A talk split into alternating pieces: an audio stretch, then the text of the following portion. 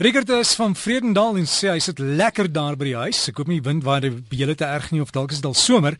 En uh, ons praat vandag bietjie oor ek wil hê. Hallo Rickert. Ja, Dirk. Nee nee nee, nee broer, jy moenie nou op somer praat nie. Jy hoop dit is te vroeg. Kyk, ons somer het borshare, so jy uh, jy lol nie met hom nie, verstaan jy? Ja, maar die winter is vir julle tyd om daarom die lugreëling te versorg of in te sit. ja, ja, nee, dit is baie tyd nie, want dit is my gou-gou. Nee, nee, dit gaan goed hier en dit weer is fantasties. Die mense wat nou hiervan hou soos ek, is nou soos 'n vis in die water. Maar uh, maar die somer is om die draai. So jy meen jy was al 5 uur op en het gras gesny en alles gedoen dit. Ja, jy weet dan, Derek. Ja, so, jy ken my se boek. Ja, jy sny sommer nou met die flitslig, jy weet. Ah, nee broer, dit werk nie so nie. Nee, jou bier is lief skieter. Rekord ons praat vandag 'n bietjie oor mense wat gelukkig is met min en dan kry jy ander mense wat altyd te min het en hulle wil net hê ek wil hê ek soek gee vir my asseblief. Mm.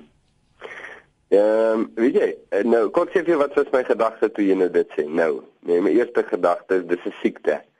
Bedoelende nou maar net dis sieklik, dis aaklig, jy weet mense wat is nooit tevrede nie. Uh genoeg is altyd net 'n bietjie meer. En uh jy weet dit is dis uh, um, ek dink dit is 'n vreeslike selfsugtige ding ook, jy weet want want um, die mense, daar's nou ek dink daar's daar's 'n paar redes daarvoor. Ek sal so twee noem miskien hè. Maar jy weet hierdie ouens uh fokus so op wat hulle nog moet hê en wat hulle nie het nie dat uh, hulle kan glad nie wat hulle het waardeer nie of geniet nie, kan glad nie want um, hulle is ondankbaar oor wat hulle het want dit is nie genoeg nie. Al het hulle hoe baie. En uh, hulle kan ook natuurlik dit wat ander mense nie het nie dit heen hulle gewoonlik met jaloesie want hulle meet hulle self aan aan die hoeveelheid van besitting. So dit gaan nie oor wat jy het nie dit gaan oor jy weet wat jy nog moet kry want hoe meer jy het hoe belangriker is jy of hoe hoe jy weet hoe, hoe beter is jy of hoe meer geliefd is jy of hoe meer waardevol is jy? En ek dink dis een van die redes miskien hoekom mense so is jy weet ehm um, die die teendeel daarvan is as jy iemand kry wat regtig nie baie het nie maar hulle het hierdie fenominale lewe omdat hulle vergenoegd is is die ou Afrikaanse woord vir dit Hulle is tevrede met hulle ehm, met wat hulle het. Hulle is dankbaar. Dis eintlik die woord wat jy moet sê. Hulle is dankbaar vir wat hulle het. En hierdie mense se lewenskwaliteit op 'n snaakse manier is net soveel hoër as die ander ouens met al die goede, maar nie tevrede met wat hulle het nie, want hierdie ouens kan geniet wat hulle het. Dit is 'n rare ding. En en jy sal kry dat hulle self flieks maak van hierdie situasie waar die ou wat baie het maar nie tevrede is nie. Jaloers is op die ou wat min het, maar tevrede is. Ek dink nou aan ehm um, daar verlaat dit my nou. So nou ek sal nou op die titel van die fliek kom. Verskriklike goeie uh goeie film. Jy weet maar dit gaan daaroor. So daar's iets daarin en die rede lê baie diep in ons harte. Dit lê nie in ons banke nie. Jy weet ons bankrekenings nie. Dit lê nie in die verdiepings van ons huise nie. Dit lê hier diep in ons harte waar daar 'n stuk ontevredenheid in of 'n onvergenoegdheid sit oor die seëninge wat ons reeds het en daarom lei ons sulke miserabele lewens. Ek het dan kry ook mense wat hulle het alles maar hulle steek dit weg en dan as jy daar by hulle kuier, as jy as jy uit die kamer uit gaan dan sit hulle die ligte af want hulle wil geld spaar. ja. Ja. Ja, dit is net so, dit is net so pyn. Iemand sê nou die dag vir my, hy sê die synigste mense wat daar is, is die ryk mense. Nou kyk, ryk is baie relatief, nê? Nee? Maar nou dink ons daaroor. Nou nou speel maar sommer klomp mense saam, hulle is jong. Jy moet um, die ouens het so baie het. Hulle is nie baie gretig om 'n ou te help of om iemand te help of so nie. Dis die ouens wat wat min het of amper niks het nie wat jy weet altyd sulke oop harte het. Dis nogal 'n interessante fenomeen. Jy weet so ja, hierdie goed uh, die die rede vir die goed sit is dit eintlik eenvoudig in ons harte, diep in ons harte, maar dit is eintlik 'n baie eenvoudige ding en ek het nou een rede genoem. Ek het gesê ons ons heg waarde uh ons heg waarde en sekuriteit aan besittings. sien, dit is hoekom wanneer ek baie goed nodig het, het ek nie God nodig nie want ek ek het my besittings, jy weet my besittings gee vir my sekuriteit en my besittings laat my veilig voel en my besittings gee vir my waarde. So ek kan uh, jy weet in 'n nuwe groep inkom en uh, iemand kan my soos 'n piesang beheer en ek kan sê weet jy wie's ek? Jy weet, weet, weet jy die wie's ek? En dan wat nou daarna gaan volg, gaan wees ek beroep my op die die geweldige hoeveelheid besittings wat ek het en dat dit dan nou vir my belangrikheid gee. So pas op vir jou mannetjie. Ek sê sommer net hier jy nie, hoor ek is, jy weet, en dan beroep ek my daarop. Nou natuurlik, dit is 'n vreeslike uh verleentheid. Uh, jy weet om om dit te sien wanneer iemand se waarde gekoppel is aan byvoorbeeld kom ons vat nou 'n kar aan 'n 'n blik met klomp skroewe en moere en olie en dat ek my waarde as 'n mens koppel daaraan is vreeslik. Nee, dis dis eintlik 'n verleentheid om te dink dat iemand se binnekant so plat geslaan is dat dit sy hele lewe bepaal. Die teendeel daarvan is Derek, mens sê net miskien nog dit. Die teendeel is ja of die of die ander kant nie die teendeel nie, maar die die ander kant van dit is as ek my waarde bepaal in my besittings, dan beteken dit ek bepaal almal om my se waarde volgens hulle besittings. So ek sal mense net respekteer as hulle baie het en ek sal hulle minag as hulle min het. En ek dink dis min of meer wat ons kry deesdae. Ja, Ricker, dit draak alles 'n status simbool, né? Ja, dis dis vreeslik, man. As jy nou dink net dat die waarde van 'n van hierdie wonderlike wese van 'n mens wat God geskaap het, jy weet dat hy dat hy so laag daal om te dink meubels en huise en sulke goed bepaal wie hy is. Dis vreeslik. Hm. Regtig ons het hier in die grootste het ons baie keer 'n probleem met bedelaars by die verkeersligte, maar daar is twee klasse wat ek onderskei. Die een is die kansvatters, hulle wil nie werk nie. So hulle staan daar en hulle maak lekker geld, klim in 'n in 'n motor en ry later huis toe met 'n sak vol geld en dinge.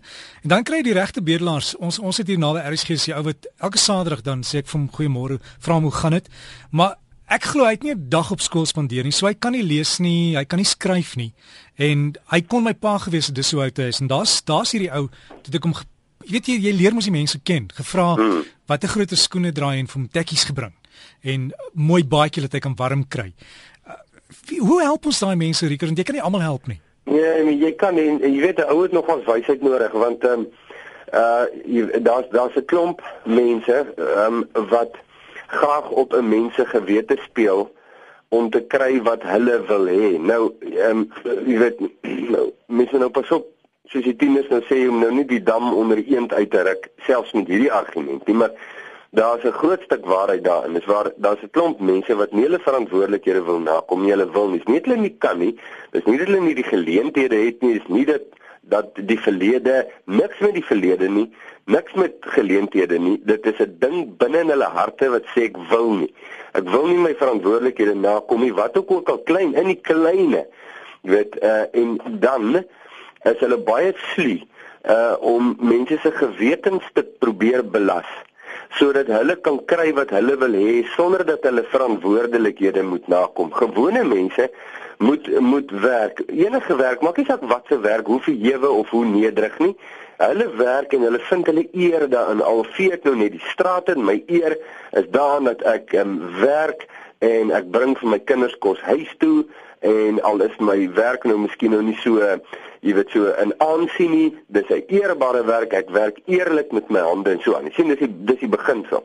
Hierdie mense wil nie dit doen nie want dit is te veel moeite.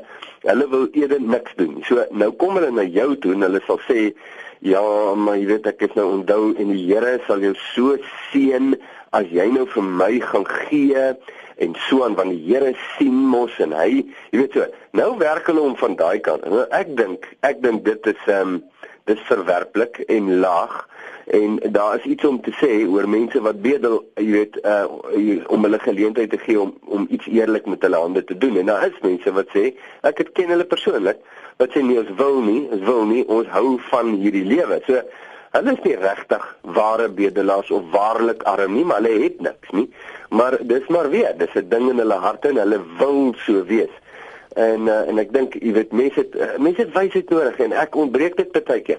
Uh, dan uh, help ek iemand en hoor ek na die tyd nee, maar jy weet die situasie is eintlik anders dan besef ek man jy weet ek het ook ek het regtig insig nodig om te weet wanneer om te help of wanneer om my hart oop te maak of wanneer weer as 'n klomp nou hel goedjies nou skus dit gou word so gebeur. Uh en daai dinge kry jy ouma met die tyd saam met lewe nê nee, en in jou verhouding met die Here en deur hom te leer ken. sien jy wat hy doen, hoe hy dit doen, wat ons dink mos ons weet hoe hy dit doen, ons weet nie regtig nie. En dan kry ons hierdie wysheid en en dan gaande weg of hoe die oom gesê al gaande leer te mens En ek dink ons het dit nodig, jy weet. Ja, Rickert en uh, hierdie ou van wie ek gepraat het, weet wat my getref het van hom is hy bedel nie. Hy is net hy sit op die op die straathoek en jy kan sien hy het regtig behoeftes. En en dis ek dink wat die verskil maak, jy weet, hy's nie daar om om 'n kans te vat nie. En is amper asof jy jy sy sy koud kry kan voel. Ja. Ja, jy weet mense ly mense ly regtig. Dis nou die die ander groep. Ons het nou gepraat van die die groep wat hulle voordoen en so aan en op mense se gewete speel. Dit is vir my 'n probleem daai, maar as jy nou net dink, ehm um, Derek, ek weet nie hoe jy jouself sien of klassifiseer nie. Ehm um, jy weet en ek ken ook nou nie jou materiële toestand in bankrekenings en dit nie, maar ja, die statistieke sal sê dat jy byvoorbeeld en die meeste van die mense wat na hierdie uitsending luister waarskynlik vandag tel onder die top 5% van mense in die wêreld nee wat wat ehm um, geriewe en inkomste en so betref. En jy sal nooit in jouself so dink nie want jy dink altyd aan die hiërargie bo kan jou wat altyd meer het. Jy sien, so daarom dink jy altyd jy so min of jy laagie onder, maar as jy mooi dink, nee, ons meeste van ons het regtig waar fantastiese geleenthede in geriewe en daar's daar's die meeste van die wêreld ly verskriklik. Jy weet en dit is nou nie van voorgee of nie wil werk of nie dit nie. Hulle sal enigiets sal hulle oogtande wil gee as hulle kan, nê, nee, om om geleenthede te hê. En ek, jy weet, as mense dit sien, dan verander iets in jou hart. Ja, jy weet as ek, dink as 'n stukkie arrogansie, miskien selfs wat wegsmelt in jou hart. As jy sien wat mense regtig deurgaan en nie wat hulle wil nie, eh, jy weet, eh, dis net dit is die die lewe wat hulle is en en dat daar selfs baie keer kan ek en jy ietsie klein doen.